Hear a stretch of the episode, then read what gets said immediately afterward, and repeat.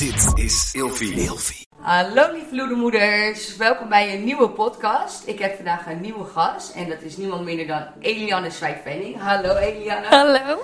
Uh, ze is voormalig Roemag-presentatrice en recentelijk moeder geworden en uh, mensen weten nog niet zoveel over jouw verhaal. Nee, en echt helemaal niet. Ik heb uh, misschien ook wel bewust gekozen om ehm, mijn bevalling even tijdelijk voor mezelf te houden. Ja. En daarna natuurlijk mijn uh, op twee operaties. Ja. Dus uh, ik ben blij dat ik, het, dat ik mijn verhaal hier kwijt mag. Ik denk Ja. dat het wel een mooie manier is om het te vertellen.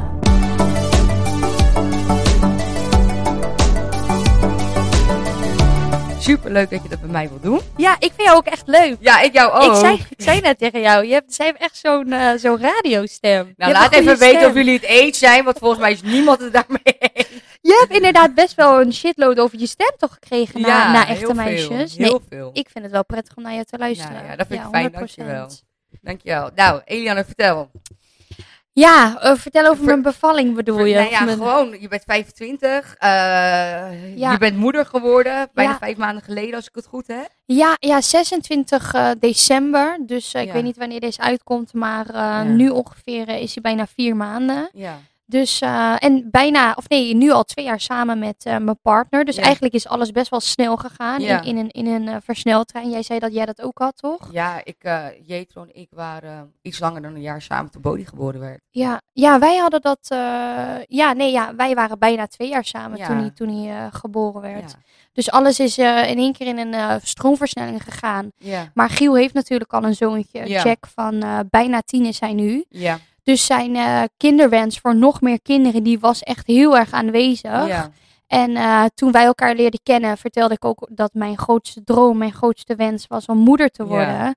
Alleen toen woonden we nog in een eh, ander appartementje en Ja. de ruimte was niet echt daar. Dus toen wij dit huis kregen, toen was het eigenlijk van oké, toen zat hij nog in het perfecte plaatje in dat programma. Ja. En eigenlijk daarna zijn we er gelijk voor gegaan. Ja. En eh Oh, gelukkig... dus het was wel echt een bewuste keuze ook. Ja, ja. dus eh, mijn vriend zat in het perfecte plaatje. Ja. En eh, toen hadden, waren we net in dit huis. Ja. En toen hebben we inderdaad bewust ervoor gekozen van... eh, ik zat aan de pil, van Ja. we stoppen met de pil. Ja. En eh, dan gaan we kijken wat er gebeurt. Want ik had wel hier en daar al gelezen van... het is normaal, tussen aanhalingstekens, dat het een jaartje duurt. Of dat, het een, dat je na een jaar gaat kijken van wat, wat er opties zijn. En ik was 24, dus dat is eh, een prima, gezonde leeftijd. Ehm, dus toen eh, volgens mij in, hij kwam in februari terug, volgens Ja. mij. En eh, in mei had ik een eh, positieve zwangerschapstest. Zo. Dus en dan ben je al volgens mij vier weken, of dan ben je al een, een maand Ja. volgens mij. ja. Dus in april ergens is het gelukt. Gelukt. Dus Eigenlijk het deze tijd vorig jaar. Ja. Ja. Oh, bizar hè? Ja, dat is zo bizar. Ja, dus bijna een jaar geleden dat je zwanger werd. En bijna een jaar geleden, ja. Zo. ja. Op 7 mei, mijn moeders verjaardag in Zuid-Afrika, had ik een positieve zwangerschapstest. Maar oké, vertel eventjes, hoe is dat gegaan dan, die zwangerschapstest? Was ja, dat, ja. Is, dat was echt sick. Want Ja. ehm, ik was op vakantie en eh, Giel die had die, tijd, die periode ook heel erg druk. ja. Weet je, corona was Dus net hij was niet mee? Nee, ja, hij was heel even was hij mee. Dus ik ging eh, met mijn ouders, want mijn moeder moet daar af en toe werken. Ja. Dus ik ging met mijn ouders naar Zuid-Afrika. En ehm, eigenlijk niets vermoedend, want we gingen daar wine tours doen. Weet je, met, Oh ja. met die mooie ja. wine gardens. Dus helemaal genieten. En eh, we waren wel bezig, maar niet super bewust. Dus Ja. ik ging niet elke dag testen ja. van, oh, ik heb een ovulatie. Of, Oh, eh, beter ook. ja, of elke dag Ja. testen van, ben ik al zwanger? Het, het ging eigenlijk gewoon, omdat we natuurlijk pas een maandje of twee maandjes bezig waren. Een beetje op zijn beloop. Ja. En ehm, toen weet ik nog dat Giel in die week moest hij terug, want hij had boekingen. Ja. Dus hij ging twee of drie dagen voordat ik terugging, ging hij al terug. ja. En ik was niet ongesteld geworden. Ja. Maar omdat je daar, je bent in een ander land, je bent op vakantie, warm, lekker warm, weet je, je bent met andere dingen bezig. We kwamen net uit een mega prachtig resort eh, waar we safaris hadden gedaan met, eh, met mooi. dieren en zo. Ja. Dus ehm, ik dacht daar verder niks bij. Maar Ja. van, van één dag sowieso niet. Nou, twee dagen ook niet. Drie dagen dacht ik, zal wel morgen, weet je wel zo. Ja. En op een gegeven moment was ik vijf dagen over tijd. Ja. En toen dacht ik, oké, ehm, het kan dus. Want hij zei wel, toen hij er nog was, zei hij wel van, ehm, nou, ben je niet zwanger?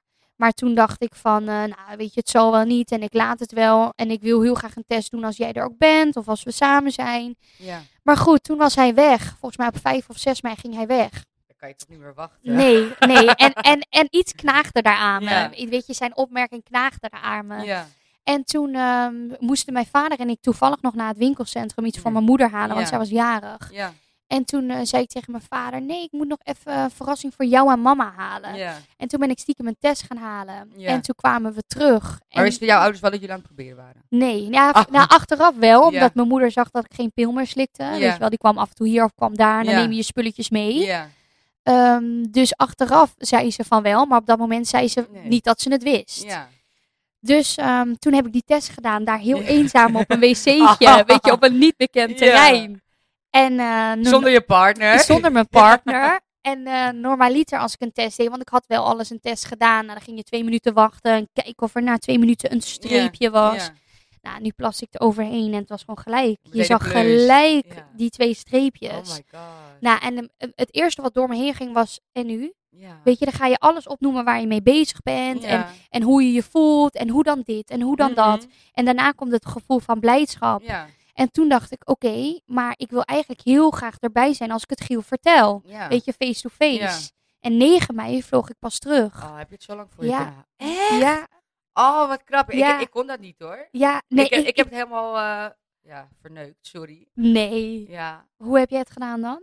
Ja, ja, sorry, ga niet op mij. Maar ik vind dat dus heel knap als vrouwen dat kunnen. Want Jeet en ik gingen zeg maar proberen. En we hadden dus ook afgesproken, oké, als ik over tijd ben, ga ik niet meteen Ja. testen. En Nee. niet, want anders wordt het helemaal niet meer Ja, leuk. En de ja. seks wordt niet leuk. Nee. We alleen maar gefocust daarop. Ja. Maar wij waren net samen gaan wonen. En Ja. ik was mijn oude doos aan het uitpakken. En ik was, ik zweer het, één dag over tijd. En daar ligt gewoon nog zo'n losse kleerboete. Ja, daar ga je. Ik, want ik had beloofd, ik ga niks kopen en dat soort dingen. En ik denk, ik plas er gewoon. Dat is gewoon ochtends net nadat hij naar Oh, werk was. kippenvel. En net zoals bij jou was het meteen een plus. Ja. En dit was tien Oh. dagen nadat ik gestopt was met anticonceptie. Oh mijn god. Dus het was ochtends en ik had zoiets van, ik weet niet of jij het wel iemand eerder verteld. Ik had wel zoiets, Jeetje moet de eerste zijn die Ja. het weet. Dat had ik ook, ja. Ja, maar ik zat daar dus met precies dezelfde gedachten als jij. Ja. Hij kwam pas laat thuis die avond. Ik dacht, anders moet ik de hele dag in mijn eentje. Ja, Ja, en toen zei ik van, kan je even facetimen? Doe ik nooit, komt ook bijna niet op werk. En toen ging hij zich zorgen maken. En toen heb ik hem toch een foto gestuurd. Dacht Oh, ik? Want dit is niet hoe ik het wilde, maar ik wilde het ook mijn zusje vertellen, en mijn beste Ja, vriendin en gewoon ja. mijn moeder kunnen spreken. ja. Dus ik heb niet eh, die Niet- discipline gehad die jij hebt gehad. Dus dat, ja, sorry dat ik je onderbrak, maar ik vind dat echt heel knap. Nee, maar ik snap je wel hoor. Want de drang om het te vertellen en al helemaal, omdat mijn moeder was jarig en die dag daarna, 8 mei was moederdag. Dus de hele dag ging door mijn hoofd. Ik ben ook mijn moeder. ja. Weet oh, wat je, grappig. ja, Dat vind ik Ja. grappig, want ik vond mezelf ook al moeder toen ik zwanger Ja, was. zeker, want mensen zeggen altijd, oké, mommy to be of eh, dat soort dingen. Ik denk, nee, dat kind zit al in Ja, mij. dat ben ik al aan het maken. Ja. Dus ik ben al een moeder Ja. van, van een klein wezentje. Ja. Dus ik was 8 mei inderdaad de hele dag zo van, oh my god, ik ben ook moeder. En ik had, op, ik had op de kaart van mijn moeder ook geschreven van, eh, nou, je bent de beste moeder en la la la. En ik wil later zo'n moeder worden zoals jij, Ja. wel met een betere kledingstijl, Ja. maar weet je zo. Kleine hintjes Ja, droppen. precies. En toen, eh, ja, kleine hintjes erop in die kaart. En eh, nee, ja, 9 mei vloog ik terug en mijn moeder had me nog een slaappil of een inslaper gegeven voor in het vliegtuig. ja. Maar die mocht ik natuurlijk helemaal Nee. niet nemen. Was En een ik- lange vlucht dan Zo, 12 uur. echt een hele lange vlucht. En ik zat naast een hele zenuwachtige man die ik eigenlijk niet vertrouwde. Weet je wel, waarvan je Oh. zoiets hebt van, oh, zou toch niet? Terwijl je zelf Dus- de zenuw ook al had. Had hè? ik zelf de zenuwen ook. En ik kon niet slapen. En ik was de hele tijd was ik, eh, een beetje paniekerig van, Ja. ja. ja, weet je, ik wil het zo graag vertellen. Ik wil Ja. zo graag thuis zijn. Ja, En toen kwam die me ophalen. En dat heb ik op het vliegveld in Zuid-Afrika. Ja, ja, die had ik mee en die had ik ook in een apart zakje, of vakje gedaan. Ja. En ik had op het vliegveld in eh, Zuid-Afrika had ik een boekje gekocht met Ja. zo'n ABC'tje in het Engels. En ik had een, eh, was nog heel moeilijk een kaartje kunnen vinden met Hello Little One volgens mij. Oh. Echt de laatste kaart daar op, het vliegveld. ja, want we- ik was er om tien uur, elf uur s'avonds. In de nacht vlogen wij, dus niks dicht. was open. Dus toen eh, ehm, heb ik dat allemaal gekocht en in een apart vakje gedaan. In een apart dingetje gedaan.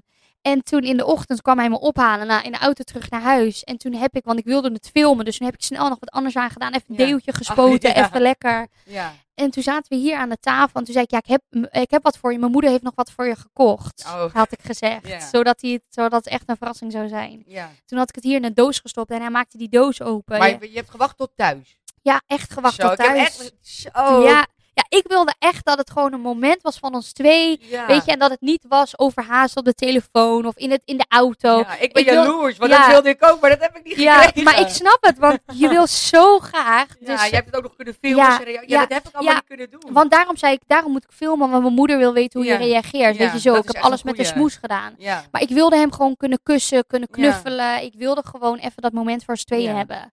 Dus zo heb ik het eh, eigenlijk verteld. En hoe reageerde hij?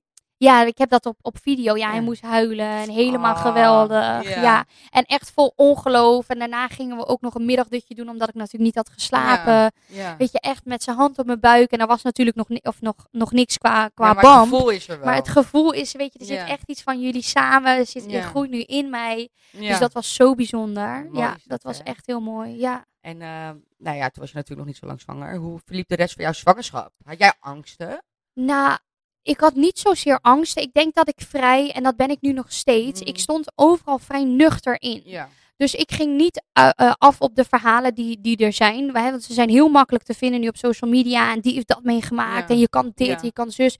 Ik dacht, nee, ik ga luisteren naar mijn lijf. En Ja. wat mijn lijf nodig heeft. En ik laat me vooral niet gek maken. Dus eigenlijk is mijn hele zwangerschap vrij nuchter en, en, en oké bevallen. Ik, ben, eh, ik heb geen gekke dingen gehad, geen bekkeninstabiliteit. Ja. Of ik ben ook niet misselijk geweest. Maar ik heb ook niet, ik zeg altijd, ik heb niet negatieve dingen gehad. Maar de positieve dingen heb ik ook niet gehad. Ik kreeg Ja. geen betere huid of Oh, eh, geen mommy lange glow. haar of geen mommy glow inderdaad. Dus je was gewoon neutral. Ja, ik was gewoon heel neutraal, heel nuchter. Dus eigenlijk is eh, mijn zwangerschap is, eh, ja, echt prima verlopen. Ik Ja. hield ervan om zwanger te zijn. Ja, ik ook. Oh, voelde jij je prachtig. sexy tijdens je zwangerschap? Ja, 100 procent. Ja, ik ook. Ik voelde me helemaal de bom. Ik ook, met zo'n mooie buik. En dan had je van die lange jurk aan en dan met die mooie buik. Ik voelde me helemaal echt een vrouw, Ja, zeg ik, maar. ik ook. Ik heb het denk ik nog nooit zo mooi gevoeld Nee, als tijdens nee. mijn zwangerschap. Ik mis dat ook echt, zwanger zijn. Dat, gaat ook weg als je eruit is, want dan voel je je lelijk, hè? Zo. ik heb foto's van daarna. Want Zo. ik wilde kijken hoe mijn lichaam zeg maar ging vormen na de ja, zwangerschap. In de spiegel zo, die Zo. buik. Ja, Ja, maar dat is bizar, hè? Zo. Ik kreeg laatst een herinnering op eh, mijn Instagram stories Ja. dat ik een eh, foto had gepost van mijn eh, 16 weken bamp. Nou, Je dan weet- zag je ja. wat en ik dacht van, ik wou dat ik nu Ja. zo'n buik had. Zo. Want dat is echt zo'n heel... hier zit- Heel klein, ja. Nee, volgens mij zet ik hem ook gewoon Ja. uit. Ik denk van, nou, dit ga ik nooit meer krijgen. En Nee. was ik al 16 weken zwanger. Zo. Ik weet nog, ehm, toen ik, mijn buik begon pas echt te groeien, dat toen ik zeg maar 20, 21 Ja. weken was. Dat was echt niet normaal. Want we hebben het met 16 weken hebben we aan de ehm, eh, wereld zeg maar verteld dat we zwanger waren. Ja. Dus op social media gegooid. En waarom? Omdat wij toen op vakantie gingen in Italië. En ik dacht, hmm, als mensen het dan gaan zien, dan ben ik de, liever de eerste die het eh, wil vertellen. Want als het aan mij had gelegen, had ik het nog voor me gehouden. Ja. Misschien ben ik daar wel goed in, in dat voor me ja, houden dat dan. denk ik ook. Ja, want Ja, we hebben het, ja, ik. met 16 weken hebben we het pas verteld. Ja, wij en met echt, 13 hoor. nou, als je die vakantie ziet eh, in Italië, nou, daar heb ik gewoon een platte buik. ja. Je ziet echt Bizar, gewoon hè? niks. Maar voor jouw gevoel had je toen echt ja, al een buik. had ik echt al een buikje. Ja. Maar dat was zo bizar. Maar eh, daarna is hij wel echt gaan groeien. Met mijn gender reveal was ik volgens mij 22, 23 Ja. weken. Nou, zag je ook nog niks hoor. Nee. Ja, bij mij ook niet. Zo bizar. Ja, maar voor je gevoel. En ik baalde, want bij mij kwam mijn buik dus ook heel laat.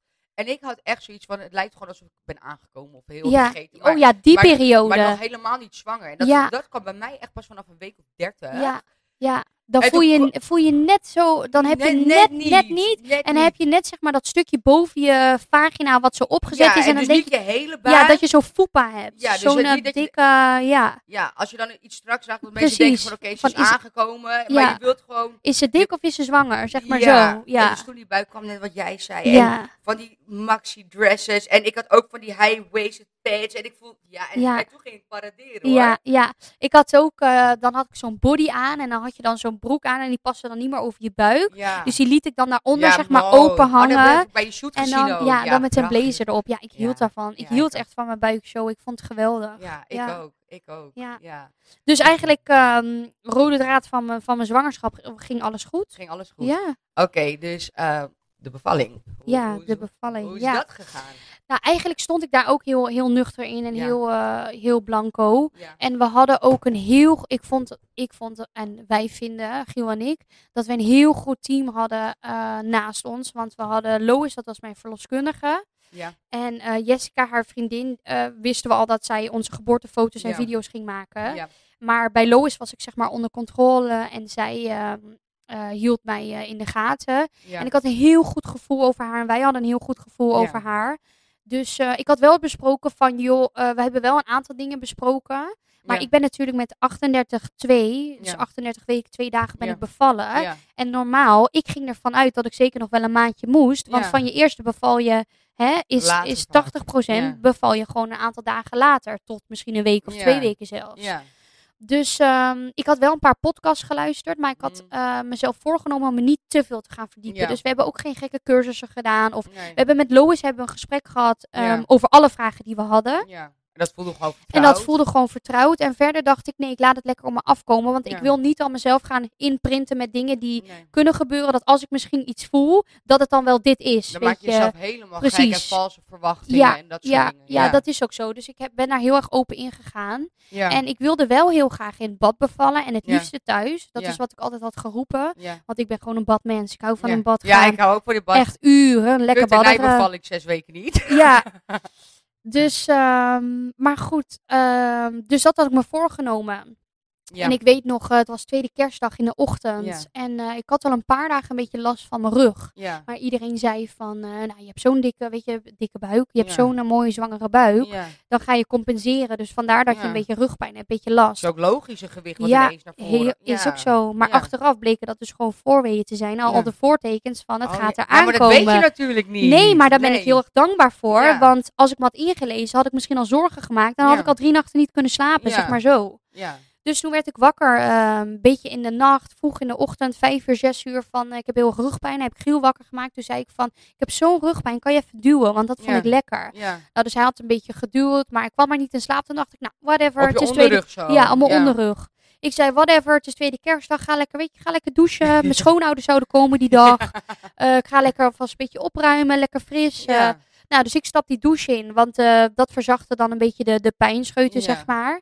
Niet wetende dat ik al lang wee had. maar goed, ja, je weet ik veel. Dus ik sta onder die douche en het gaat maar niet weg. En op een gegeven moment komt Giel naar beneden, want ik sta wel erg lang onder die douche. Ja. En die zegt tegen mij van, joh, ben jij niet aan het bevallen? Bevallen, Zijn ja. het geen weeën? Ja. Ik zeg, nee, het viel niet te timen. Eh, Ja. Dan was het heftig, dan niet. Weet je, het was echt op en af. Ik er kon er geen pijl op trekken.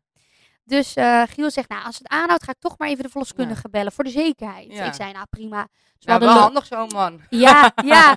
Dus wij hadden Lois gebeld van, eh, of hij had Lois gebeld van, Ja. joh, dit en dat is aan de hand. En achteraf zei ze van, ja, ik voelde wel dat, dat het eh, eraan zat te komen. Dus die kwam en die kwam om half elf kwam ze hier. En toen was ik nog steeds onder de douche met zo'n bozibal. Was ik lekker aan het, naar de overheen aan het rollen. En eh zij zegt, kom even mee naar boven, want dan Mm. gaan we naar de slaapkamer. Ja. Dus ik lig op bed en ze gaat voelen. En ik had vooraf gezegd dat ik niet wilde weten hoeveel ontsluiting ik had. Alleen Ja. of ik ontsluiting had En waarvoor wil je dat niet weten dan? omdat ik bang was dat ik gedemotiveerd raakte. Dus ik was bang dat, ehm, want dat had je dan wel van tevoren gehoord van andere verhalen, dat mensen zeiden van ja, ik zit, op, eh, ik zit al drie uur lang op één centimeter, weet je wel zo. Dus ik was bang dat, dat als zij ging zeggen, ja, je zit nog steeds op drie, ja, je zit nog steeds op drie, en dat elk uur, dat ik dacht van ja, gooi de handdoek dan maar in, weet je, ik, Ja. dat ik in een negatieve spiraal kwam. Maar jij bent wel heel eh, goed bewust omgegaan Ja. eh, met zwangerschap en de bevalling. Want jij hebt heel bewust ervoor gekozen om afstand te nemen van alle verhalen en dingen. En Ja, dat is denk ik alleen maar goed. Want Ja. an- inderdaad, wat jij zegt, de mentale druk die je anders op jezelf Ja. legt, is ook zo. Die lijkt me veel stressvoller dan alles dan wat er ook Ja. gaande is. En, en dat wilde ik, omdat ik, eh, ik ben een energiemens, Ja. dus ook wel weet je mentaal. Dus, en dat wilde ik voorkomen, dat Ja. als ik, dat ik me dan druk ging maken om dingen die er nog helemaal niet waren. Ja. Want het is zo dat als jij eh, bijvoorbeeld eh, je snijdt je, ik zeg Ja. maar wat, ergens, en je hebt het niet door, dan heb je ook geen pijn. Je ziet Nee. het niet eens. Nee, maar je snijdt je en je kijkt en het is aan het bloeden, Ja. dan krijg je seintje in een hoofd, bloed, snee, dan krijg je ook meer pijn. Ja. Daar geloof ik heel erg in. Oh, dat heb ik gehad hoor, dus dat is echt zo. Ja, ja. Ja, ik heb hier nog een heel groot litteken. Dat was letterlijk wat jij zei. Was ja, een- ik precies. sneed mezelf En- als kind zijnde. Ja. Ik lag helemaal open. Kijk, het is echt vies litteken. Ja, En er was niks aan de hand, totdat ik zag dat het heel erg ging bloeden. precies. En dan heb je paniek. Ja, omdat ik het mijn ouders moest vertellen, maar goed. Ja, ja ook. Maar goed, eh, toen was het half elf 's ochtends. En ehm, toen eh, zei ze tegen ons, toen eh, lagen we op bed. En toen zei ze tegen ons, jouw zoon wordt vandaag geboren. Nou, dat was zo bizar. Oké, normaal dat je dacht, ik heb nog wel even. Huh? Ja, en ik dacht 38, het is kerstdag. Ik, mijn schoonouders komen zo, we hadden nog niet afgebeld. Hè. Ik Ja. dacht, dat gaat wel over. Ja. En ik dacht, hoe kan dat nou? En, maar we waren helemaal euforisch en we waren Ja. blij en ik moest huilen. En toen hadden we Ah, wel gebeld van, joh, eh, kom vandaag maar even niet, want het komt even niet uit. Ja. Weet je wel zo. Maar goed. ehm, en Ook om- lullig tweede kerstdag afzeggen. Ja, precies. Huh, waarom? Maar om half elf ehm, achteraf, dan wi- wist ik die ontsluiting, heb ik het wel gevraagd. Maar achteraf had ik toen twee centimeter. Ja, En dat was om half elf. En toen was mijn bevalling begonnen. ja, En toen, eh, dan ben je dus, toen ik dat wist, was je ook meer bewust van de pijn en dat het weeën zijn, zeg maar. Dus toen hebben ze hier beneden, hebben ze, alleen eh, Giel was erbij, Jessica, de fotograaf Ja. dan, en de, die de video ook heeft gemaakt, en Lois. ja. Toen hebben ze hier het bad opgezet beneden. ja. En toen ben ik volgens mij, als ik het goed heb, rond een uur of twaalf ben ik hier in, eh, in bad gegaan. Ik had eerst nog zo'n tensapparaatje met van die schokjes. Toen ben ik hier in bad gegaan en ehm, toen dacht ik, omdat ik zo'n badmens was, dacht Ja. ik van, ja, dit gaat het zijn. Ja. Weet je, hier ga Ja. ik. eh, maar dat bleek het achteraf dus niet te zijn. Ja. Dus toen heb ik volgens mij rond een uur of één aangegeven van, joh, ik wil denk ik toch iets tegen de pijn. Ja, maar dan moeten we wel naar het ziekenhuis, zeiden ze. Nou, dat bespreek je dan met je partner. En. Giel steunde me daar heel erg in. En die zei van, nou, dan gaan we. Nou, dus Lois, mijn verloskundige, gaat bellen. En wat denk je? Alle ziekenhuizen vol. Dus oh, dat lijkt me ja, zo verschrikkelijk. Tweede kerstdag, alle ziekenhuizen Oh. hier in de buurt vol. Oh. En wat doe je dan? Ja. Dus hij heeft 20 minuten gebeld. Ja, tijd, dat als je aan het bevallen bent, dan ben je je tijd helemaal kwijt. Ja. Dus ik voelde Je dat niet. is er gewoon niet. Ja. ja. Maar zij aan de telefoon en eh Oh, erg, bellen en Leiden bellen en. Leiden doorbellen. En weet ik van wie ze allemaal heeft gebeld. En op een gegeven moment ehm, heeft zij met Den Haag contact gehad. En die hebben gezegd van eh, kom maar gewoon, we maken wel plek.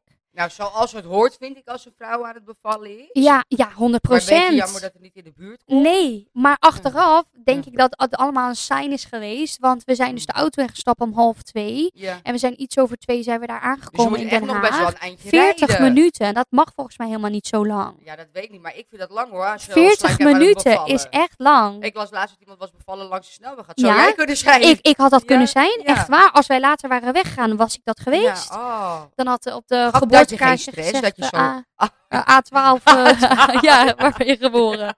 Nee, nee, op dat moment niet, omdat ik daar zo niet bewust mee bezig Dat was. is wel knap want hoor. Jij ik- hebt jezelf onder controle. Ja, ja, Ja. Ik, maar ik hoorde gewoon, ehm, ja, je gaat naar het ziekenhuis eh, in Den Haag. Ik weet niet eens of ik daar bewust van was dat, ik, dat Den Haag zo 40 minuten rijden was. Ik wist niet eens of ik dat wist. Ja. Je Maar kind goed. gaat geboren worden, dus waar Ja. zou je daarmee bezig zijn? Ja, precies. Ja. Dus ehm, uiteindelijk achteraf gehoord ook weer, ben ik met 4 centimeter hier uit huis gegaan. Ja. En ehm, Nou, toch bijna op de helft dan. ja, bijna op de helft. Ja. ja, dus dat ging wel vrij vlot, laat maar zeggen.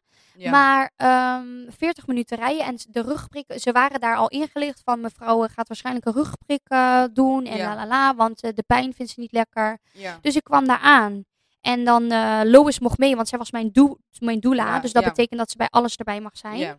En ehm, toen kwamen we daar. En dan word je overgedragen eigenlijk aan een andere verloskundige van het ziekenhuis. Want Ja. zij zijn eindverantwoordelijk. ja. Dus zij moet alles overleggen. Maar Lois mocht er wel bij blijven. Maar Lois mocht er wel bijblijven. En het ziekenhuis heeft ook tegen haar gezegd van... Jij mag haar bevalling gewoon hier doen. Oh, wat Dus fijn. ja, voor alle eindbeslissingen moeten we wel overleggen. Of als er iets moet gebeuren, moet je aan ons aangeven. Want wij zijn verantwoordelijk. Maar jij mag het doen. Oh, dat is heel Dat is fijn. zo fijn. Dat was echt de best. ja. Dus eh, wij komen daar en ik ga daar op bed liggen. En eh, ze zeggen van, eh, oké mevrouw, eh, ik ga, die verloskundige daar dus, van ik ga even checken hoeveel ons, ontsluiting Ja. je hebt, want dat moeten we weten voor Ja. de rugprik. Dus zij gaat voelen. Ze zegt, ja dat is leuk dat je een rugprik wil, maar je hebt al 10 centimeter. Zo dan. Dus we kunnen niks meer doen. Dus van huis Ja. naar Den Haag ja, was jij gewoon al ready to... Hey. dus binnen 40 minuten, Zo. dat bobbelen blijkbaar werkt met Over zwaartekracht mee. en zo, ja. ja. En Giel heeft een grote pick-up.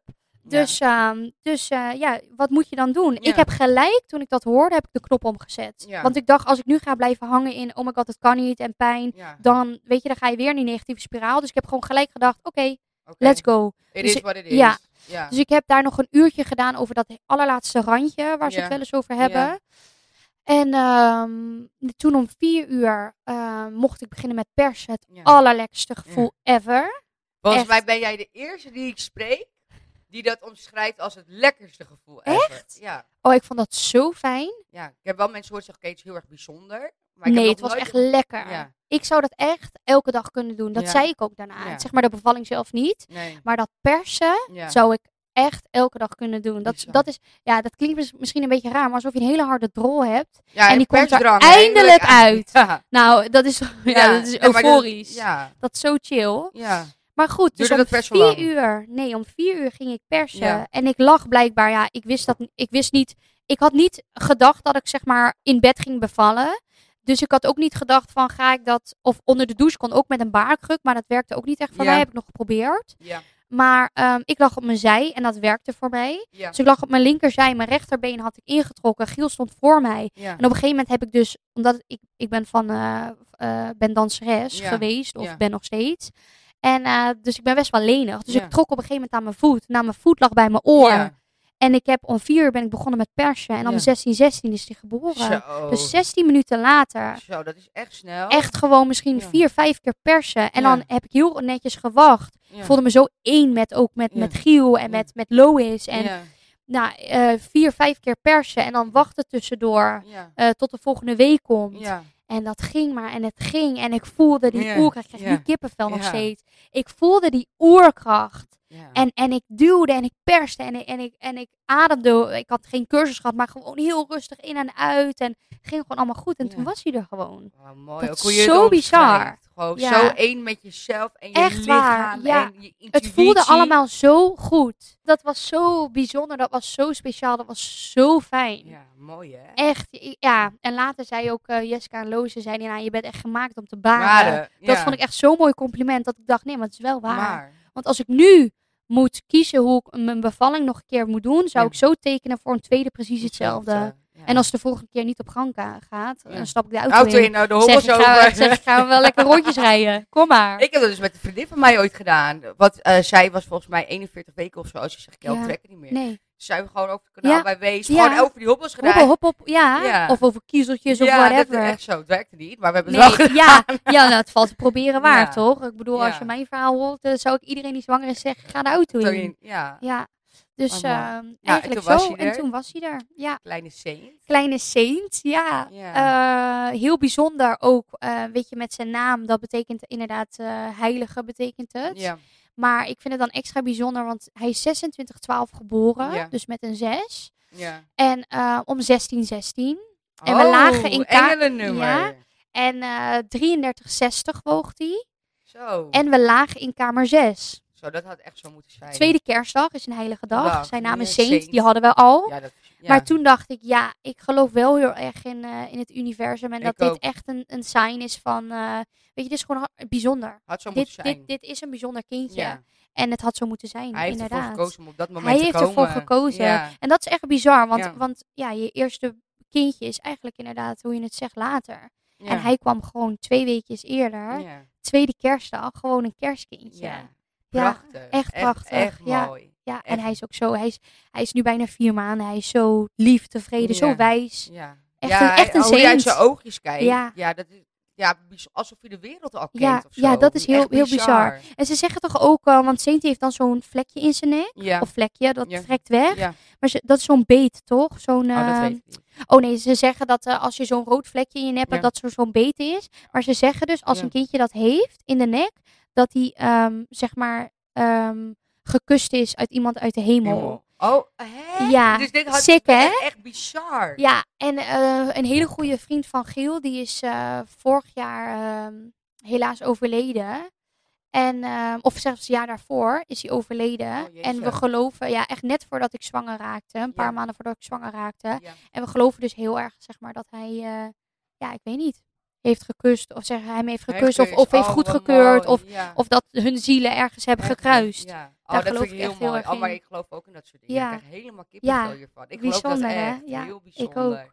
Maar goed, ja, eigenlijk was dat mijn bevalling. En ik zweer het je, ik kwam hier binnen. We mochten dezelfde dag ook alweer naar huis. Oh. Want ik was dus ehm, eh, niet uitgescheurd, niet Ja. ingeknipt. Ja. Ik had maar eh 200 cc, 0,2 liter bloed verloren. Ja. Dat is niks. Dus ik, ik was ook echt toen mijn kind geboren was, een uur later. Ik had, je moet dan je boterhammen opeten en je moet douchen, Ja. verplicht Ja. plassen, dat soort dingen. Nou, ik had alles gedaan. Ja, Ik had lekker mijn haartjes je gewassen. voelt je helemaal goed. Ik voelde me geweldig. Giel Oh, die lag op bed, op het ziekenhuisbed met, eh met Saint. En ik was helemaal aan het ja, opruimen, gewoon het, kamertje. Ja, dat- maar dat is echt zo. Ja. Dit is zo weird. En ik voelde me ook heel erg goed daarna. Ja. Dus Bizar, hè? ehm, ik, ik kwam hier thuis en eh, de volgende dag was ik lekker eh, afwassen, weet je, in de afwasmachine en het schoonmaken en mijn ding Ja, maar je bent ook geen piepert, ook geen nee, janker. nee, nee, nee, Maar eh, ja, dus eigenlijk was ik heel erg tevreden en heel Ja. erg aan het genieten van hem. Ja. En toen kwam wel het mindere verhaal Ja. natuurlijk, een maand later. Ja, want kijk, je hebt natuurlijk het een en ander met ons gedeeld via Instagram, maar niet alles. Ik had zo met je te doen, want ik weet natuurlijk niet de ins en outs, maar je bent net moeder en je belandt ineens in het ziekenhuis en ik dacht echt, ik weet, Ja. I felt for you. Dat ik dacht van, wat, wat is er gaande? Ja, dat was echt heel bizar. Ja. Dat was echt heel bizar.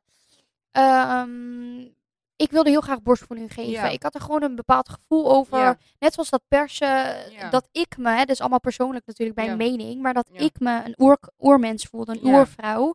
En ik, en ik had dat eh, beeld van borstvoeding geven, had ik daar ook bij. Ik, ik maak melk en die melk maak ik niet zomaar. Nee, ik maak dat voor hem. Daar zitten stofjes in die voor hem gemaakt zijn. Weet je, ik maak het echt voor hem. Dus ehm, ik wilde dat heel graag doen. Maar hij was Ja. met 38,2 geboren. Dus Ja. hij had een beetje een. Eh, ik heb een lactatiekundige laten, laten komen, maar een beetje een prematuur mondje. Dus hij hapte niet heel erg lekker aan. Weet je, eh, het ging allemaal een beetje moeilijk. Dus wij hebben een lactatiekundige Anouk. Zij is ook super lief. Hebben we ingeschakeld. Zij is met een week volgens mij gekomen.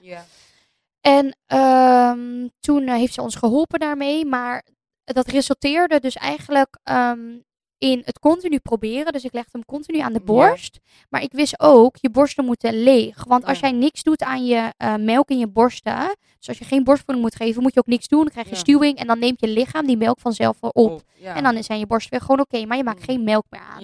Maar omdat ik dat dus wel wilde, ehm, ging hij dus aan de borst proberen. Dat was meestal dan 5 à 10 minuutjes. ja. Dan was hij er klaar mee. Dan kolfde ik het af. En dan Ja. hadden we nog melk staan van het kolf. En dan gaven we het via de fles. De Ja. borstvoeding via de fles. En dat ging goed via de fles. Ja, dat ging allemaal heel goed. Eh, met de fles had hij ook wel af en toe een beetje moeite hoor. Maar, ehm, nou, dus dat heb ik eigenlijk eh, een maand lang zo gedaan. Of misschien anderhalf maand lang zo gedaan. En soms wilde die helemaal niet aan de borst. Maar ik had, ik kolfde dan om de, wat is dat, twee, drie uur. Ik heb geen borstvoeding gegeven. ik weet Nee, niet. ja, dus Ja. dat is ook ongeveer hetzelfde als fles, maar op het begin dan iets meer. Ja. Ehm, ook omdat je melkproductie s'nachts is het meer. Dus s'nachts zet je ook echt Ja. wekkers om dan te kolven. Ja, Nou, en eigenlijk voor mij is dat ook wat je zegt, dat jij af en toe ook nog last hebt van dat je sommige dingen niet meer weet. Ja. Dat is voor mij ook een beetje die periode ja. geweest. Echt die Omdat het- Ja, hoor. maar ook omdat, het, omdat er, er was bij jou ook omdat er zoveel op je afkomt Ja. en zoveel was gaande, ehm, dat ik echt die tijdlijn niet meer precies meet. Maar ik weet wel dat op een gegeven moment werd ik, ik denk toen hij twee maanden was, Ja, ehm, werd ik eh, in de nacht ziek. ja, Ehm, en ik kreeg koorts heel erg. Maar Hmm. ik dacht gewoon aan een griep. ja. En achteraf gezien had Giel, een twee dagen daarvoor, had hij gezegd: joh, je borst is aan de zijkant wat rood. ja. Maar ik zei: ik heb op die kant geslapen. Oh, ja. eh. Niks aan de hand. Ja, En ik had geen pijn. Dus dan denk je, nou, gewoon een griepje. Het ging daarna ook weg. ja. En eh, die week daarna kreeg ik ineens heel erg last aan mijn borst. ja. Nou, en een eh, lang verhaal kort. ehm, ik kreeg elke dag meer last van mijn borst. En als Ja. je mijn borst vastpakte, was het alsof je baksteen vastpakte. En, toen wist ik... Nee. Nee. toen, want ik kolfde gewoon. Dus waarom Ja. zou ik stuwing hebben? Ja, Dus toen wist ik, er is wat aan de hand. Nou, mijn lactatiekundige erbij, die heb ik elke dag foto's gestuurd. Mijn kraamverzorgster Monique heb ik erbij gehaald. Lois, mijn verloskundige. Eh, ik ben naar de huisarts gegaan. Toen hebben ze gezegd borstontsteking. Toen kreeg ik een antibiotica-kuur. En Ja. toen moest het wel overgaan. Nou, na twee dagen nog steeds last. Ben ik naar een andere antibiotica-kuur gegaan. Ja. Nog steeds last. Jeetje. Toen zeiden ze, als het na het weekend niet over is, bel je, krijg je weer een andere antibiotica. Ja, dus echt van het kastje naar de muur. Oké, ja. Maar goed, nou, je bent voor het eerst moeder, dus wat doe je? Je luistert naar, naar de, huisarts. ja, Precies, want die weten het wel. Ja, En toen eh, op de zondagavond weet ik nog dat we terugreden van Sittard, van mijn ouders naar hier. ja. En ik had zo'n pijn. En dat was voor het eerst dat ik echt zo... Nou, ik had wel al in die laatste paar weken een beetje pijn. En ik had zo'n pijn. Ik denk, Giel, dat is niet goed. Ja, Dus toen zijn we naar de spoed gereden. Daar weer een arts gezien. Nou, de situatie uitgelegd. Die heeft gekeken. En toen zei hij, het is geen absces. ja, Want dat zou, de, zou het ergste zijn. ja, Maar we gaan wel morgen, ga je naar het ziekenhuis in de Ja. ochtend, was maandagochtend, dan ga je een echo laten maken. Dan kunnen we kijken hoe we het beste kunnen behandelen. Ja. Dus wij zijn toen in het ziekenhuis eh, geweest die maandagochtend. Toen heb ik allemaal medicatie zondagavond gekregen, weer gebeld dat het niet aansloeg. Ik kon niet slapen van de pijn. Zo. En toen ging ik maandagochtend naar het ziekenhuis en toen maakten ze die echo. En wat zeiden ze? Ja hoor, het is een een absces. Dus, die, Jeetje. dus een paar uur daarvoor hoor je, het is geen absces. Dus ja, een soort van geruststellen. Je bent gerustgesteld, maar Ja. waar komt die pijn dan vandaan? Ja. En je komt gewoon in het ziekenhuis en ze maken die echo. En ze zeggen, ja, het is een diepliggend absces, 10 centimeter. Het is echt heel heftig. En we Oh. moeten je met spoed gaan opereren vandaag nog. Ja, de Oh. tranen sprongen in mijn ogen. Dat is heftig. Ik vond het zo echt, ik heb me nog nooit zo klein gevoeld Ja. als toen. Ik vond het echt heel erg. Niet alleen omdat ik een beetje bang ben, ben voor spuiten of whatever, Ja. of prikken of naalden. Ik doe het allemaal hoor, maar ik heb daar gewoon, ik word er een beetje grimmig van. En de grap is ook nog, of de grap is eigenlijk helemaal niet grappig, Ja. maar dat ze toen zeiden van, joh, we gaan zo'n incisie maken, zo'n Ja. klein sneetje. Dan Ja. doen we daar een drain in. Dan mag je naar huis vandaag. Dan loop je zes dagen met zo'n tasje, maar dan kan het eruit lopen en dan is het goed. Nou, dus weet je, prima, onder plaatselijke verdoving. Dus ik ging terug naar de, naar de spoedkamer. En een andere arts komt, die ik al eerder had gezien die dag. En die komt naar binnen en die zegt: Ja, sorry, ik moet toch mededelen dat met een kleine incisie we er niet gaan komen. ja. Jij moet onder narcose en het moet operatief verwijderd worden, want het ligt Zo. echt heel diep. Dus vandaar denk ik dat die arts op zondag ook heeft gezegd: Het is geen absces. Hij kon het gewoon niet voelen. Ja. Oh, wat erg. Ja, dus toen stond mijn wereld ineens op zijn kop. Dan heb je een kleintje.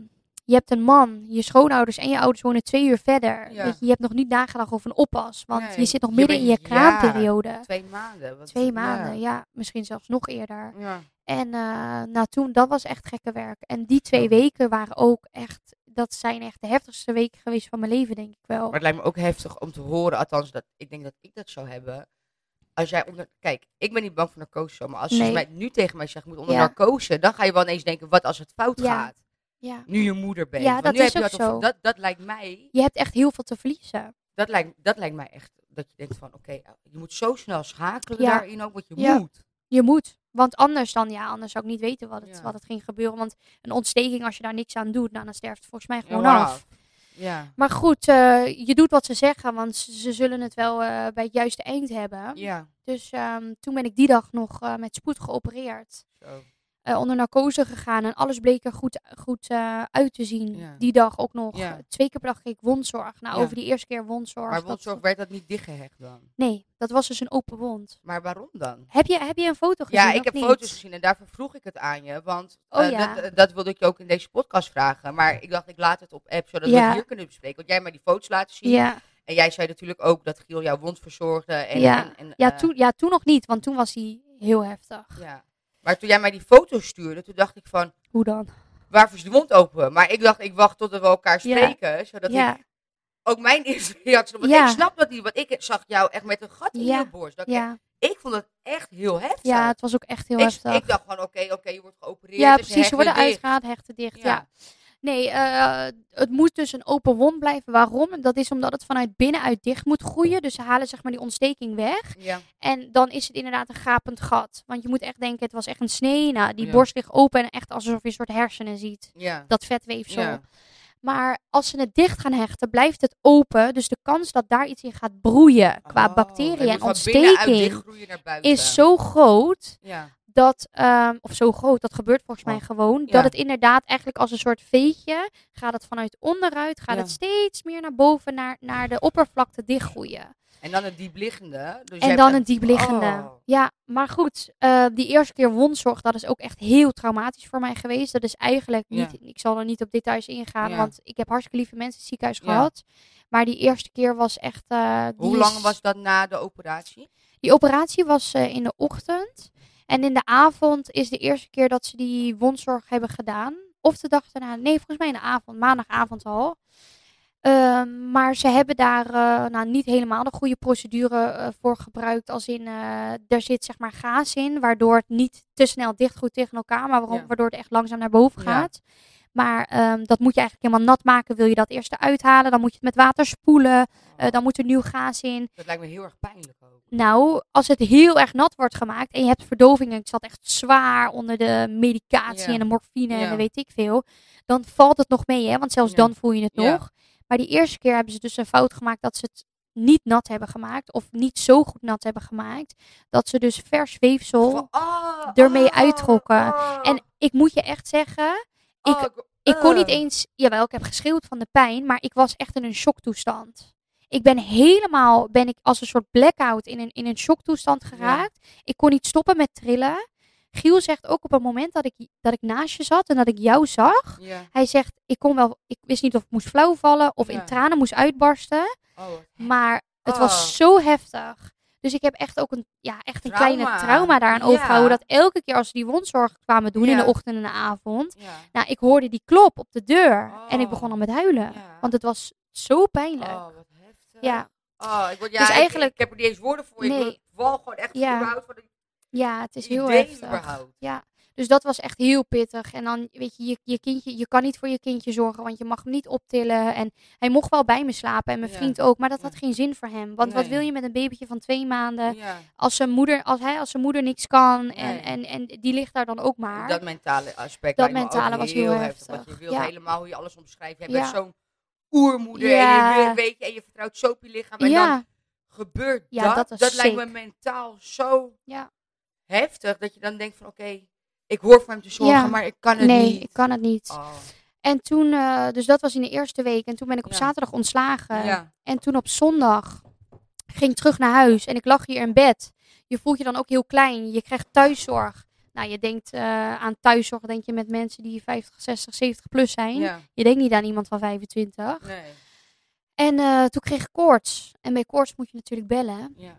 En toen eh, ben ik weer opgenomen die zondag. Ja. En toen hebben ze maandag opnieuw een absces gevonden, of die zondagavond.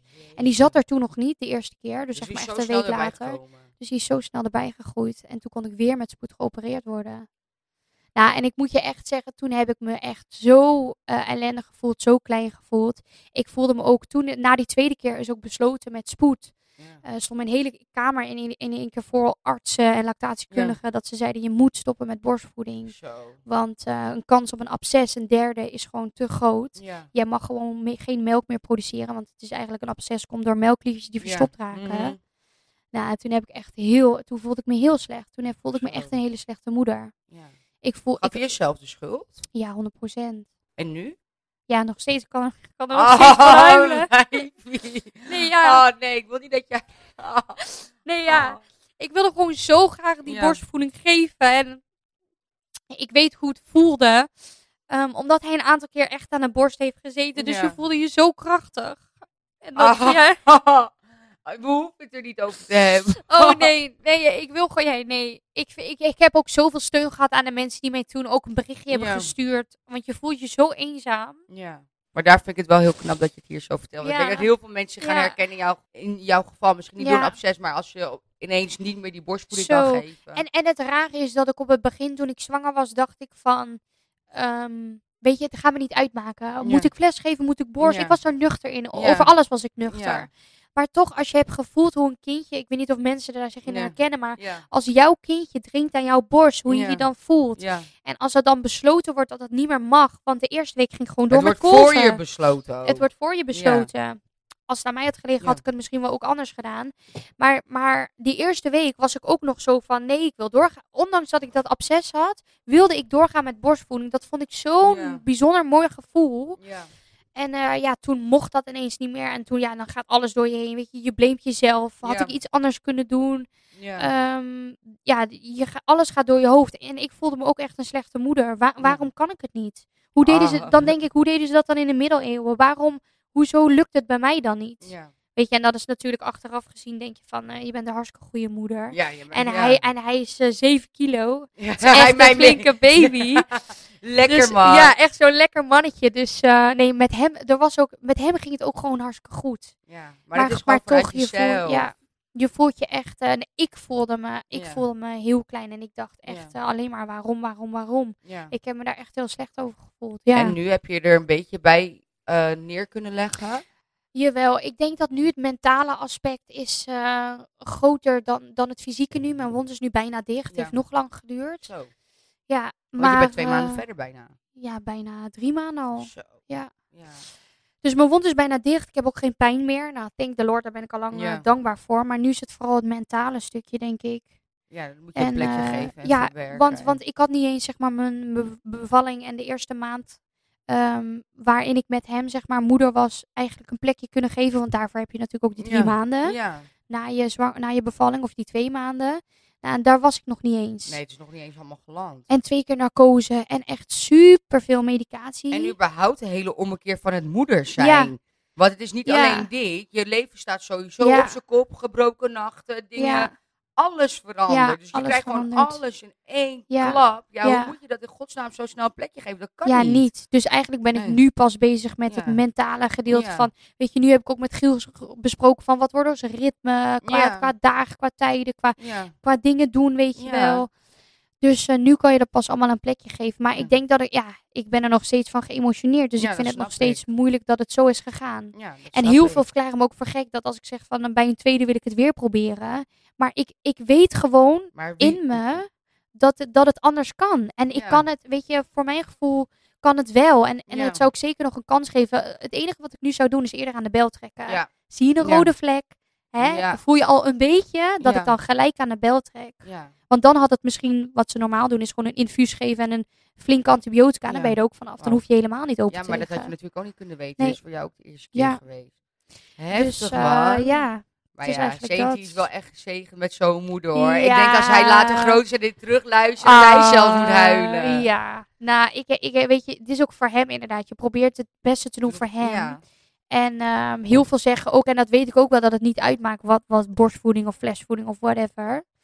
Maar ehm, nee, ik wilde me ook, het was misschien ook een bewijsdrang naar hem toe. Van, eh, Maar het gaat om jouw gevoel. Het Ja. gaat er helemaal niet om wat een ander ervan vindt. Of zij Nee, jou dat gek zo. Als jij een tweede jullie gunt is, moet jij doen waar je jezelf Ja. goed bij voelt. En ik denk dat jij je li- Ja. eigen lichaam nu ook wel beter nog hebt leren kennen. Je was je natuurlijk al bewust. ja, ja, ja dat denk ik 100%. Want nu bij, als dit een tweede keer, als ik ook maar iets van symptomen voel, Ja. dan ga je gelijk aan de bel trekken. Ja, want wat ik jou wilde vragen, stel nou, dit is voor jou ook nieuw. Ik denk dat heel veel moeders die net nieuw zijn, alles is onbekend terrein. Wat zou jij moeders die dit horen of aanstaande moeders mee willen geven met betrekking op wat jij hebt meegemaakt? Ja, kijk, aan de ene kant vertel ik nu ook heel erg van ik ben nuchter en ik sta er open in en je moet luisteren naar je eigen gevoel. Ja. Maar ik denk toch, nou, ik weet nu, qua Ja. borsten zou ik echt kunnen adviseren van, want stuwing, dat, dat is normaal. En een, Ja. eh, een borstontsteking hebben ook volgens mij best wel veel mensen af en toe Mhm. last van. Dat het zo heftig gaat als bij mij, volgens mij niet. Ehm, maar zodra je iets voelt aan je borst, of je voelt een harde plek, of je, voelt eh, of je wordt er ziek van, Ja, Ehm, of je hebt een rood vlekje. Weet je, trek aan de bel. ja, En schakel een lactatiekundige in. Of ehm, vraag je kraamverzorgster. Of ehm, weet je, ga even naar de huisarts. En hou het gewoon goed in de gaten. ja. Want bij de een kan het zo weg zijn. Maar bij de ander niet. En als je er echt op zit, goed in de gaten houdt. Elke dag even voelt. en vooral als je het niet vertrouwt. Vertrouw op je eigen gevoel. Dus ja. zeg je gevoel. Stuurt je huisarts je naar huis met... Nee, het is toch geen absces Ja, probeer dit maar even. En heb je er geen goed Ja. gevoel bij, ze- weet je, ga op je strepen staan. Zeg, luister, ik heb er geen goed gevoel bij. Ik wil voor de zekerheid een echo laten maken, want dan Mhm. kunnen ze het precies zien. ja, ja. En dat is eigenlijk met alles bij het moederschap, denk ik. Je, je, intuïtie je heb je niet voor intuïtie. niks. En ik, ben, ik denk dat iedereen dat heeft. En misschien heb jij dat ook gehad op het begin. Althans, de mensen die ik heb gesproken, de mensen die ik ken. Als je net moeder bent, zoveel is onzeker Ja. en je weet het niet. En dan, ik twijfel heel erg aan mezelf. En op een gegeven moment was het, en ik heb me echt wel laten beïnvloeden, ook door, door buitenaf. En op een gegeven moment werd ik zo gek in mijn hoofd, dat Ja. ik dacht van, oké, ik ga nu doen waarvan ik denk dat het denk goed, goed is. is. Ja. En vanaf dat moment Ging het, ja. ging alles goed. Ja. Dat, dat moederinstinct, dat is, een- Ja. het is zo'n bizar gegeven Ja. wat je hebt. En elk kindje is ook anders, hè? En elk kindje is ook dus anders. een Ja. moeder kan tegen jou zeggen, joh, je moet dit doen of je moet dat doen. Of, eh, maar dat kan helemaal niet werken Nee. voor jouw kindje. Nee. En ik geloof Dus- ook dat je als moeder zijn het beste weet wat voor jouw kind goed is. Ja, dat denk ik ook. En, en vergeet niet, ehm, elke ouder maakt ook fouten. Hè? En dat mag ook. Van Ehm, fouten leer je. Van fouten leer je. Ja. En het kan niet allemaal perfect gaan. En het je- af en toe heb jij ook als persoon een mindere dag. En which is fine. Het is allemaal goed. Is ook zo. La- inderdaad, la- alleen laat je niet gek maken. En da- Ja. doordat, doordat ik heel veel heb gehoord van vriendinnen en kennissen om me heen. Van ik heb me zoveel laten beïnvloeden door anderen. Ja, Hebben wij dat bewust tijdens onze dat bevalling. En, of eh, tijdens onze zwangerschap. En mijn bevalling. En het moederschap daarna bewust niet laten doen. En ook ehm, wat ik denk ik ook als tip kan meegeven als je je kindje krijgt. Je bent zo happy en zo tevreden, maar wij hebben bewust gekozen om een week, zo, zeg maar, zolang de kraamverzorgster er was, hebben wij het niet naar buiten gebracht. Oh, dat is echt goed. En dan ben je Ja. zo aan het cocoonen. Ja. En we hebben niemand hier op de vloer gehad met, met muisjes. En weet je, mijn ouders wel en mijn Ja, schoonouders. Maar verder voor de rest niemand. Ik denk dat dat, en dat meen ik uit eigen ervaring van iemand die tegenovergesteld heeft gedaan, een van de beste tips die Ja. je mee kan geven. Want wat, wat heb ik gedaan? Kies voor jezelf. Bo, die was er. Ja, en dan Het ga was je, al over ja, social media. Ja. Eh, in mijn kraamweek was mijn hele huis elke dag continu vol. En wat gebeurde er met mij? I Ja. totally collapsed. Ik, was, ik was kapot. Ja. Als ik, als een tweede ons ooit gegund is, is dat wat jij, wat jullie hebben gedaan, Ja. Precies hetgene wat ik ga doen. ja. Dat is net, net zoals En, en dat is inderdaad voor iedereen anders. Maar iedereen ik denk dat zelf weten. iedereen er Ja. wel baat bij heeft. En vooral, jij bent ook publiekelijk figuur. ja. Ehm, mijn partner dan ook inderdaad. Vooral ehm, bij, bij dat soort mensen, maar ook, ook bij dat soort mensen niet. Ook Ja. eh, als jij, eh, weet je, niet publiekelijk bent. Ik denk dat dat, je- bent, je bent moeder, ja, je bent al moeder, maar je kindje is, Is er. geboren. Het wordt zo'n andere routine. Weet je, het is niet Ja. eh, jezelf die je op één zet en je partner, maar het is echt, echt je je kind. kind, En je ja. moet gewoon, of moet, je moet helemaal niks, maar, maar het wennen aan elkaar en hij aan de Ja. wereld. Hij is, Ja. net, hij is net geboren. Ja. Weet je, gun hem, hem of haar die rust dat ze een week lang hebben. Gewoon dat je helemaal dat in, in je bubbel kan, kan, kan genieten. Dat denk ik dan. Want ik heb, als mensen hier komen, wil je voor ze zorgen. En je wil dat je huis opgeruimd is. Luister, en dat, je was wil... ik, dat, dat, dat deed ik ook. En ik, eh, ik heb dat fout gedaan, achteraf gezien. Toen voelde het goed, maar daarna... Nee. Nee, Nee. Want, want ik snap het aan de ene kant. Je bent zo Ja. euforisch. Je Ja. kind is geboren, je trots, je geweldig. Je wil aan iedereen vertellen hoe fantastisch hij is. Ja, Maar ik denk, eh, nee, ik, ik, ik koos echt voor mezelf op dat moment. En niet voor eh, anderen omdat ze besties zijn of dit zijn, dat ze maar moeten komen. Nee, wij hebben het bewust stilgehouden.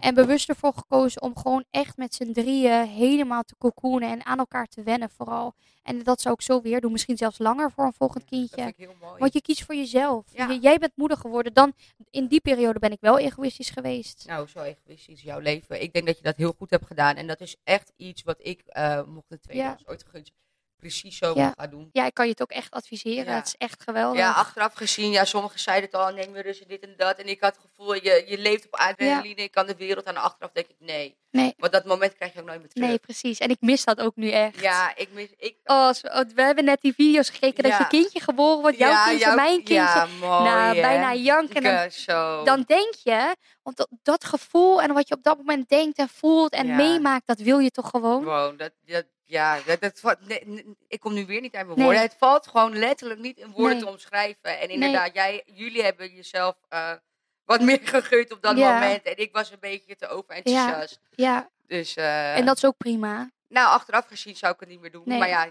weet je, voor mij was het ook de eerste keer. Ja. Ja, Dus, eh hey Eliane, ik heb nog één ehm, onderdeel. Spannend. That. Het zijn gewoon drie vragen om het even wat luchtig Ja. af te sluiten met de hoor. luisteraars en de kijkers. Ja, nou al dat gejank en dat geklets. Ja, alleen, net zoals ik net zei, ik ben een beetje vergeetachtig en minder adrem dan dat ik was.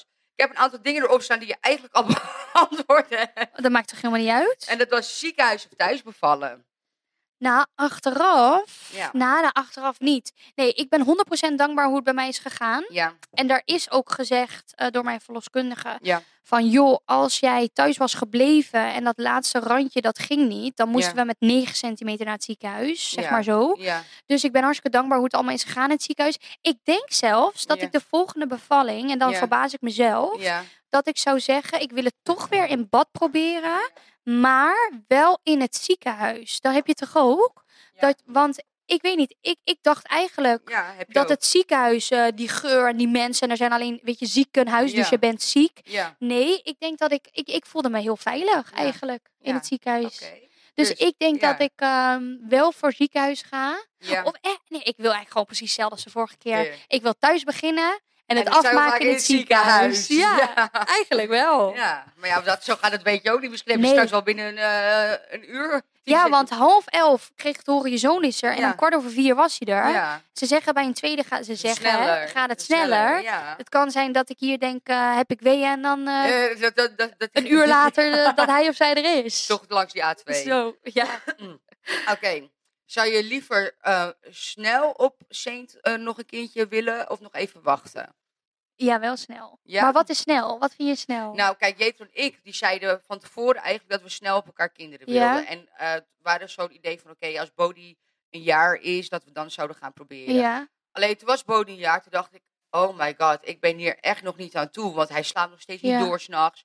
Ja. En mijn, zus, mijn oudste zus en ik schelen twee jaar, mijn jongste Mhm. zusje en ik drie jaar. ja. En ik wilde eigenlijk niet meer dan twee of drie jaar ertussen Ja. hebben zitten. Maar ik dacht ook van, oké, maar als ik daar zou beginnen met, ja, ik zou dan niet trekken nog een beetje met Nee, een ander ritme. het. Ja. En Bodie is nu anderhalf. En we hebben ook zoiets van, nou, we wachten nog even aan het eind Ja. van het jaar met proberen. En mocht het ons dan gegund zijn, zit er drie jaar tussen. ja, Maar het liefst, had je het. op papier van tevoren, had ik wel ja, precies. Maar in de praktijk werkt het altijd Eh, werkt anders. het echt Want anders. elk kindje is anders. En Ja. We mogen echt blessed zijn met Een Saint. gezond Hij is ja. echt, ja, sowieso dat hij gezond is, maar hij is echt een Saint. Ja, Want eh, volgens mij, hij slaapt dan met twee maanden slaapt, of wat, wat is doorslapen. Zeg maar, hij slaapt om 11 uur, 12 uur laatste fles en dan om 7, 8 uur wordt hij wakker. Jezus. Ja. Nou, Bodie doorslapen. Ik kreeg laatst toevallig een herinnering op mijn Instagram of weet ik veel wat Ja. allemaal. De eerste keer dat hij doorsliep, was Ja. voor ons van 9 tot 4. En Ja. toen was hij 10 maanden of zo. En het was alleen die ene keer. Ja. Alleen maar kijk, dat kan ook hè. En dat is oké. Ik bedoel, keer. Maar eh, kijk, als je dan nog een keertje ja, kijkt. dan is het heftig. als maar dat snap ik. Dan snap ik je keus. Als ik geluk heb, wordt hij nu nog maar twee keer wakker. In de nacht. Ja. Echt? ja. Dus stel nou, wij hadden al een baby erbij gehad die nog vaker... Ja, ik zou gek worden. Ja, dat snap ik. Dan verlies je echt jezelf. Ik ben... eh, En een happy mama is happy baby, Dat hè? is echt zo. Ik heb op twee handen te tellen in die 18 maanden dat hij er is, door Echt kunnen waar? slapen. Ja. Ja, blijkbaar. Volgens mij waren... Ik heb een broer. ja, En eh, wij hebben ook tot ons vierde niet echt doorgeslapen. Ja, Dus dan nog 2,5 jaar moet je. ja, ja, dus dat, ja, oké. maar maar dat overleef je ook wel. Ja, tuurlijk. Dat Nee, nee, maar eh, op, ja, omdat, je- om je vraag te beantwoorden. Ik denk als Bodie mijn kindje was Ja. geweest qua ritme inderdaad. Ja. Dat we ook hadden gezegd van... Eentje is heel even genoeg. Ja. Want anders dan hebben we helemaal geen tijd meer hè, voor onszelf en whatever. Terwijl dat is zo belangrijk. Zo, ja. Maar ja, Saint is eh, zo... Ja, ik moet echt afkloppen. Maar Ja. hij is zo gemakkelijk. Ja. Hij huilt bijna niet. Hij drinkt netjes. Hij vermaakt zichzelf. Is nieuwsgierig. Ja, slaapt in de nacht goed. En ik, Dat ik kan... fijn, En ik vind het al, en dan, dan mag je echt niet zeggen, dan krijg ik daar een moedermafje over mee. Maar af en toe als hij om zeven uur eh, of eh, om zes uur wordt hij dan misschien een beetje wakker, doen we even het speentje nog een keer in en dan slaapt hij nog wel door. Maar dat vind ik ook al pittig, want ik kan heel slecht tegen weinig slaap. Oh my god, luister. Als ik na zevende wakker ben, heb, is het voor mij al uitslapen hoor. Ja, ja, precies. Om zeven Dus- uur heb ik, eh, heb ik al ontbeten, body al wakker, Ja, Maar uitgelaten. dat is aan de ene kant ook wel lekker, want dan begint je dag, dan heb je echt veel uren in Nou, dag. Ja, ja, dan heb je veel uur in de dag, maar in de nacht niet hoor. Zo, maar ik heb echt respect voor Maar ja, kijk, jij zegt ik heb mijn slaap nodig. Maar als Saints had gedaan, had jij ook... Precies, have tuurlijk. adjusted, weet je. Tuurlijk. Ik heb ook slaap nodig, maar ja, je moet. Je moet dus. En dan, en En dan het vind je ook wel weer eh, regelmaat in. En het went zeg nou niet, het is fijn, maar ik, ik, ik heb wel eens nacht gehad, en niet veel. Behalve in de jungle dan. Maar even in mijn privéleven dat Bodie niet bij mij was. Ja, Hij is twee keer uitslapen geweest. Ja. En dan denk je, dan ga ik uitslapen. Ja, maar dat lukt niet. Nee, tuurlijk niet. Nee, want want je bent daar niet ook in gewend. dat ritme. Ja. Ja, Dus het is niet Ja. dat je zegt van, oké, als ik er niet is, slaap ik lekker bij of Ja. zo hoor. maar daarom denk ik ook dat onze keuzes... Ik heb altijd een, eh, wel een groot gezin gewild. Ja. Hè, als het allemaal eh, gegeven wordt. En eh, als we daar tijd, energie, ruimte financieel voor Mhm. hebben. Maar nee, hoe het er nu naar uitziet... zouden we inderdaad wel snel Snel aan een tweede... Snel, aanhalingstekens Ja. aan een tweede willen beginnen. Ja. Ja. Dus voor die kleintjes ook wel leuk. Ja, ja, ik vind dat ook persoonlijk. Ja. Sommigen zeggen nee, dat is niet leuk. Ik vind dat persoonlijk. eh, Ik, dat heb daar goede ervaring ja, mee. ik ook. Ik Ja. ook. Maar ja, dus goed, wie weet. eh, voor mezelf eh, wachten wij nog even. Maar wie weet, Ja. dus eh misschien weet. zijn jullie wel eerder naar wij. wie weet heb ik volgende week. eh, Ja. Nee. Hey, primeur! Nee. Ja. We gaan nu plassen allebei. En dan doen we die challenge, weet je wel. En dan Oh, staat er ja. bij één van de twee een plusje. plusje? Oh, verwissel. Ja. ik ga stuk. hey, laatste vraag. Zou jij je kindje eerder naar het KDV brengen of naar een gastouder?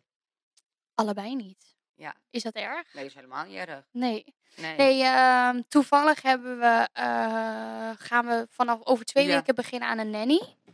Eh, of een nanny, dat klinkt allemaal, ik bedoel het helemaal niet oneerbiedig, maar dat, eh, ja, eigenlijk allebei niet. Eh, voor, voor nu, hè. En, en ik vind KDV of gastouder, dat zijn Mhm. echt uh, super goede plekken inderdaad, waar je je kindje lekker naartoe kan brengen. Ja. Maar ehm, ik ben, vroeger opgegroeid met iemand in ons huis. Ja. Met ook een nanny oppas, hoe je het ook wil Mm. noemen. En daar, ja, daar heb ik de leukste dingen Ja. mee gemaakt. Ja. Mensen zeggen dat je kind dan niet sociaal wordt. Nou, een socialer type dan ik bestaat niet. Nou ja, volgens mij is het helemaal Dus, goed gekomen. Ja, volgens mij is dat helemaal goed gekomen. En van mijn broer ook. Maar dat vonden mijn ouders, die hadden allebei een fulltime werk. Dus die Ja. werkten gewoon vijf dagen in de week. Van eh 9 tot 5, 9 tot 6. En zij was dan eh, met ons. En later bracht ze ons naar school, van Ah, school. We gingen echt, elke speeltuin zijn we geweest. Elke boom hebben we geklommen. We hebben op de fiets, eh, mochten we altijd gek, weet je, gek zitten, gekke Mhm. dingen doen. Dus dat was heel erg fijn. Dus dat proberen we dan nu eh, voor Saint ook. En, ehm, en dat vinden we zelf ook wel heel erg prettig. ja, je moet ook gewoon doen waar je goed bij voelt, Ja, precies. En, en ik ben er, ik zal er ook wel veel, of ik zal er ook wel dagen zijn. Ja, dat is wel moeilijk. We zijn nu allebei, en dat hebben jullie toch ook, allebei ZZP'er. Ja. Als in, eh, je deelt zelf je dag en je tijd Ja, in. Ja. Dat vind ik wel lastig hoor. ja, ik vind- want- ja, is het ook. Last minute aanvragen, Nou, dat- avonden. oh, Nou, dat heb ik dus ook. Bodie gaat één dag in de week naar het KDV. ja, En ik heb dat wel gedaan voor het sociale aspect. Ik heb eigenlijk altijd gezegd, zolang mijn kind niet kan praten, gaat hij niet naar mensen toe die ik niet ken. ja, Achter mijn huis, letterlijk de ballen vliegen weer tijdens het KDV. Ja. Maar ik rij 40, rij 40 minuten heen, 40 minuten terug, twee keer op die ene dag dat hij gaat. Omdat mijn vriendin daar werkt. ja. Want die Oh, vertrouw ik ik. snap hem, ja. Die vertrouw ik. En dan gaat hij één dag in de week gaat hij naar oma. Ja, Dat is standaard. En voor de rest hadden wij ook nog geen nanny of geen dit of geen dat. Ja. En inderdaad last minute aanvragen of opnames of dingen. Hoe Jullie werken dat ook dan? allebei mee. Drama. De hele tijd van naar her of Ja. een extra KDV aanvragen of dan mijn zus bellen, maar die heeft zelf ook een kind en die werkt ook voor zichzelf. ja, Mijn ene zusje die werkt, eh, woont in het buitenland, mijn moeder half. Ja. Dus recentelijk zijn wij pas gaan kijken naar van oké, maar wie kunnen we anders gaan inzetten? Ja. Nou, en nu ben ik met twee meiden bezig die ik al langer ken. en Ja, kunnen en precies. oppassen. Dus dat Ja, is wel heel erg fijn. Want heel het is ook niet te doen, want je loopt Nee. ook dingen mis. ja, maar dat dat is ook niet zo. te plannen. En het probleem was ook, of probleem, mijn ouders wonen twee uur verder. Ja. En mijn schoonouders ook. ja, het is ook niet even... Nee, dat is Dus vier uur, dat gaat nee, niet. dat, dat, dat, dat gaat gewoon nee, niet. Nee, dat gaat echt Dus we hebben nu wel eh, één iemand die we kennen en een nichtje van eh, iemand die we kennen. niet. Ja, Dus dat is allemaal wel bekend, zeg maar. ja. Ehm, die, ja, dan voel je wel veilig. dan voel je je heel veilig. Ja. Dus eh, daar gaan we kijken of we Ja. daarmee kunnen roleren. Je, ik vind het moeilijk hoor, dat loslaten. Ja, ja, nu heb ik hem toevallig naar een vriendin van me ook gebracht. En eh, zij vroeg ook toen ik wegging, vind je dat dan niet moeilijk? En ik, en ik, ik voel me dan, ik, ja, zoals ik zeg, ik ben een gevoelsmens. Ja, En, en ik ken haar al heel lang. Zij heeft twee Ja. kindjes. Onze jongste schelen Ja. twee weken. ja. Dus ik zei nee, ja, bij jou niet. Nee, ja, maar het ligt ook aan de maar- persoon. Ja, bij aan de persoon. En ik denk bij iemand anders, bij iemand vreemd. Of de eerste keer inderdaad KDV. Dat lijkt me echt... eh, Oh, janken. Alleen Ja, mijn werkt daar. Die andere meiden die er werken ken ik ook. En ik Nee. krijg gewoon de hele dag door foto's. ja. Alleen, ik zit nog steeds janken terug in de auto. Hoor. Echt waar? Ja. Vind je dat moeilijk? Ja, Oh, ik ik niet. Ik Ah, weet niet, is dat dan slecht voor mij? Nee, helemaal toch? niet. Want kijk, als ik hem naar oma breng, heb ik helemaal geen moeite mee. Nee, oké. Maar meer gewoon omdat, als ik Bo Bodie nu, hij zit nu in een eenkennige fase, Ja. vindt hij het zelf Oh, ja. moeilijk om afscheid te nemen Ja, bij kijk, KDV. dan snap ik het. Bij ja. oma leef ik niet eens nee, meer. Dan is precies. het, eh, Oma, ja, ja, ja, Dus daarvoor vind ik het moeilijk. ja. Ja, dat snap ik. Ja, maar dan begrijp ik het. Ja, vorige week was het volgens mij, dacht ik even, oké, ik, ik weet niet wat gaat opnames voor. Maakt ook geen flikker uit. In ieder geval, toen dacht ik, ik neem hem maar weer mee. Dan niet. Zij Ja. stel van, als je dit gaat doen en je dan laat niet consistent komen, Ja. dan gaat hij ook niet wennen. Dacht oh, maar ik jank hoor in die auto. Maar, maar ik vind dat ook eh, dat mensen dan inderdaad zeggen van... eh, ja, je mag als je kind huilt, mag je hem niet bij je in bed nemen. Niet elke keer, want anders dan went hij nooit aan zijn eigen bedje. Oh, hou maar op Ja, hierover maar, met mij. Maar kinderen, ook, kinderen worden daar toch niet slechter van? Als een kindje dat toch nodig heeft, als je voelt, want je voelt als moeder of vader dat jouw kindje dat nodig heeft, dan ben je toch, of dat, of dat ze zeggen nee, laat hem maar even huilen hoor. Zo, ik Langer dan daar- 10 minuten laat ik ze niet huilen, dan Ik- pak ik hem bij me. Ik laat Bodie sowieso niet huilen. Nee. Eh, maar kijk, nu is Bodie op een leeftijd dat ik echt herken. Ben je aan het huilen of ben je aan het miepen of ja, ben je aan het ja, bespelen? krokodillentranen. Ja, Ja. maar hij bespeelt nu echt. Hè? Ja. Het is echt grappig dan kijk ik hem ook Ja. echt aan en dan is het ook zo weer over. Maar met huilen, en ik had dat met een andere gast, had ik het toevallig over, heb ik wel echt zoiets van, oké, en daar zijn ook artikelen over. Ja. Kijk, op het moment dat jij je kind laat huilen, Ja. natuurlijk stopt hij na een paar nachten, maar dat betekent niet omdat hij jou eh, niet wil, Ja. het wordt hem geleerd dat je toch niet komt. Ja. En toen ik dat las, Oh, ja, je moederhart hè. oh, dat ik echt, dan denk ik van je ja, bent het toch niet. Ja. want, want ze komt toch niet. Als jij, we hadden het eerder over safe Ja. havens, jij bent je kind Ja, safe haven. Klopt. Zij aangeeft, ik wil Ja. bij jou, ik wil bij jou. Luister, Bodie ligt nu nog steeds in bed. Ja. denk ik, in het verleden heb ik ook geprobeerd in zijn eigen bed en het ging goed. En ik luister, hij ligt tussen ons in hoor. En dat is prima. En dat ik, is en echt ik vind het goed. Bodie voelt zich veilig. Precies. Ik ben wel begonnen met als hij dan slaapt en terug te leggen in zijn eigen bedje, wordt hij wakker. Komt hij wel bij mij, maar hij valt bij ons in slaap. Ja. En 9 van de 10 keer althans. En ik vind als mensen daar een judgment over hebben, dat vind ik zo oneerlijk en onrealistisch. Want we worden toch allemaal een keertje 18. Ja, maar Ik ken niemand van 18 die- nog tussen zijn ouders ze in in ligt. slaap. En stel je voor, het is wel zo. Ja. Wie ben ik om te judgen? Nou, Als jij je toch veilig voelt? luister, ik heb met Kan mij het alle- schelen dan? Ja, Ja. maar dat snap ik ook niet. En dat is helemaal met de moedermafia en dat soort dingen. Ik heb altijd zoiets, als moeders ethisch verantwoord omgaan met hun kind. Ondanks dat het niet in mijn straatje was, heb ik er geen problemen mee. Nee, ik ook Luister, niet. misschien zou ik er niet hetzelfde doen, maar niet iedereen heeft hetzelfde Nee. doen? En niet Dus- elk kind is hetzelfde. En niet ieder kind is hetzelfde. Nee. Dus. Dus. Nou, we hebben lekker lang geluld. Ja, hè? Volgens Ja. mij echt. Ja, we hebben langer dan een uur geluld. Eliane, Oh. super lief dat je bij mij het gast Ja, wilde ik zijn. vond het echt en heel erg leuk. bedankt voor je mooie verhaal. Ja, tuurlijk. Echt gewoon, ook hoe jij dingen verwoordt en vertelt. Ah. Is, eh, Niet vertellen, dan ga ik weer janken. Ik ben Oké. een jankbal hoor. Ja, was je eerst niet, toch? Nou ja, ik ben altijd wel emotioneel geweest. Maar nu inderdaad, sinds ik moeder Moeder, ben geworden, erg, die hormonen die Ik vliegen alle nooit en nu kanten ook op. altijd. Ja, dan hoef je maar te zeggen, oh wat zit je haar mooi in het begin. Ik Ja, al. ja. Zo. oké, nou. Ah. Allemaal kijken, jongens. En Leuk. luisteren. Doei, doei. Doei!